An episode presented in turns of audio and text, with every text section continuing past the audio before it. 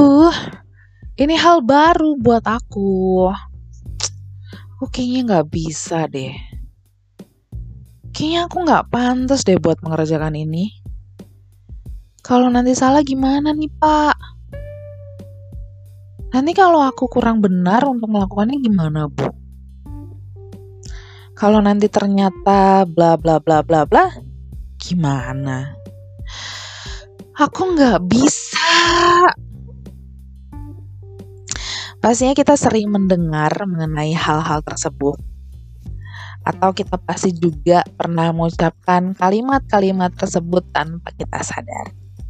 Kita mungkin sering mendengar bercanda atau gurauan seperti ini. Kalau orang lain bisa, kenapa harus saya? Yang sering dilontarkan oleh warganet di media sosial. Jika kita bedah lebih jauh lagi, di balik gurauan tersebut ada kepercayaan yang membatasi diri untuk terus berkembang dan menghadapi tantangan. Bersama saya Christine Sitorus dari Tiasa Academy. Di episode kali ini kita akan bahas mengenai fixed mindset. Si paling, ah aku nggak bisa. Dalam hidup ini ada momen-momen di mana kita merasa nggak bisa melakukan apa-apa, nggak mau melakukan sebuah tantangan, atau bahkan pesimis dan itu sangat nggak apa-apa untuk kita rasakan. Tapi, kalau setiap momen kita selalu menolak tantangan, bahkan kesempatan yang datang dan selalu bilang, ah, aku nggak bisa. Coba kita bayangkan dan pikirkan berapa banyak kita melewatkan kesempatan yang berharga padahal kita belum mencoba.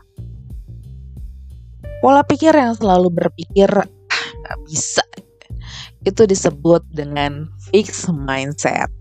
Kalau kita pernah mendengar ada pepatah mengatakan kalah sebelum berperang, nah pepatah tersebut cocok untuk menggambarkan fixed mindset ini. Sebenarnya apa itu fixed mindset? Sebelum kita bahas mengenai fixed mindset itu sendiri, kita akan bahas lebih dahulu sedikit mengenai mindset. Sebenarnya pencapaian kita sampai saat ini itu tidak dapat dilepaskan dari yang namanya pola pikir. Pola pikir alias mindset adalah software yang memberi energi dalam semua gerak langkah kita dalam segala hal. Pada dasarnya, pencapaian seseorang bukanlah dari kemampuan yang ada, tetapi dari cara pandang akan kemampuan tersebut dan kepercayaan bahwa segala sesuatu itu dapat dikembangkan. Ada sebuah buku yang berjudul Mindset karya Carol Dweck. Ini benar-benar buku yang menggugah kesadaran tentang pentingnya mengoptimalkan potensi dengan cara mengubah mindset atau pola pikir. Di bagian awal, Dweck langsung mengutip kata-kata emas dari Robert Sternberg yang mengatakan faktor terpenting yang menentukan bagaimana seseorang mencapai keahlian tertentu bukanlah kemampuan yang melekat sebelumnya, akan tetapi usaha keras dengan dengan maksud yang jelas. Mindset itu sama dengan keyakinan bahwa kemampuan dapat ditingkatkan tapi ia tidak dapat mengungkapkan seberapa banyak perubahan yang mungkin akan dicapai dan berapa lama perubahan itu bisa dicapai. Jadi, apa yang dimaksud dengan fixed mindset? Fixed mindset sendiri merupakan cara berpikir tentang kecerdasan dan kemampuan diri sendiri sebagai sesuatu yang pasti. Ingat, tidak dapat diubah dari lahir sampai tutup usia. Mindset ini sangat fokus kepada hasil daripada proses. Jadi, sebuah usaha yang tidak mendatangkan hasil yang sesuai harapan dianggap sia-sia bahkan merupakan sebuah kegagalan. Pemilik pola pikir fixed mindset meyakini apa yang dianutnya adalah yang paling benar dan oleh karena itu ia, ber, ia akan berfokus pada apa yang sudah diketahui dan diyakini menghasilkan. Maka dari itu, ia cenderung menghindari tantangan-tantangan yang ada. Sebagai contoh, orang yang memiliki fixed mindset uh, mempunyai seorang uh, selebgram favorit. Lalu orang tersebut melihat kehidupan selebgram ini dan selalu berpikir enak ya bisa menghasilkan uang hanya dengan posting-posting foto atau posting sesuatu yang menarik di media sosial mudah, asik, sesuai hobi. Kemudian dia mencoba menekuni bidang yang sama, namun setelah beberapa bulan, ternyata hasil yang dia dapatkan jauh dari harapan. Dia menganggap dirinya tidak memiliki bakat dan selebgram bukan bidang yang tepat untuknya. Pada kenyataannya, selebgram yang dia kagumi bahkan mungkin telah menghabiskan waktu lebih dari tiga tahun untuk menekuni bidangnya.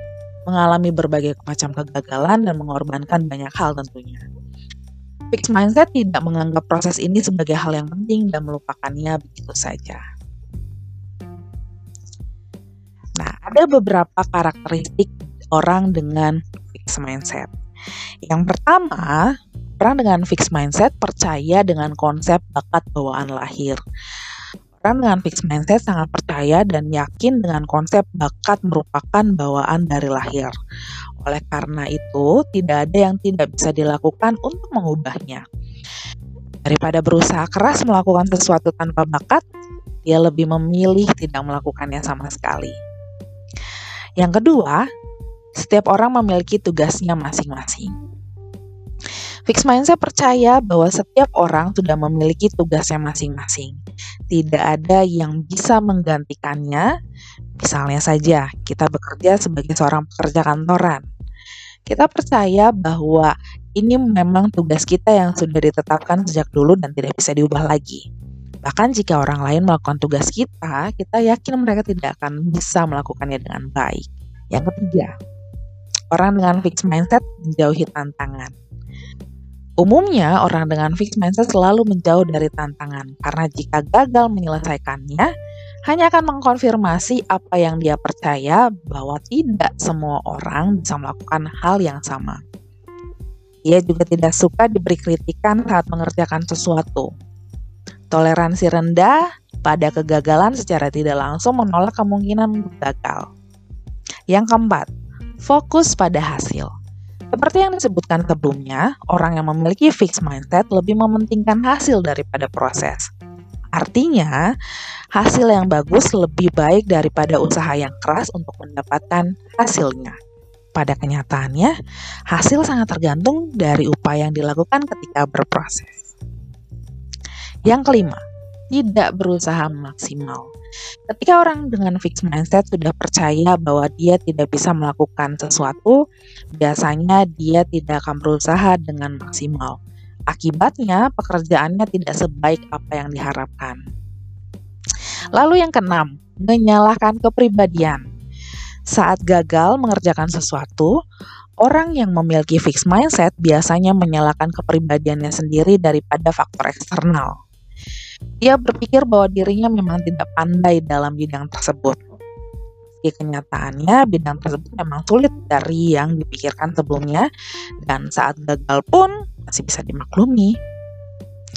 Yang ketujuh, tidak tertarik untuk mengembangkan kemampuan. Fixed mindset tidak memiliki ketertarikan untuk mengembangkan kemampuannya. Meskipun ini sangat penting untuk dirinya sendiri, dia tidak akan tiba-tiba membuat target yang harus dicapai untuk meningkatkan kompetensinya. Lalu yang kedelapan, tidak belajar dari kesalahan.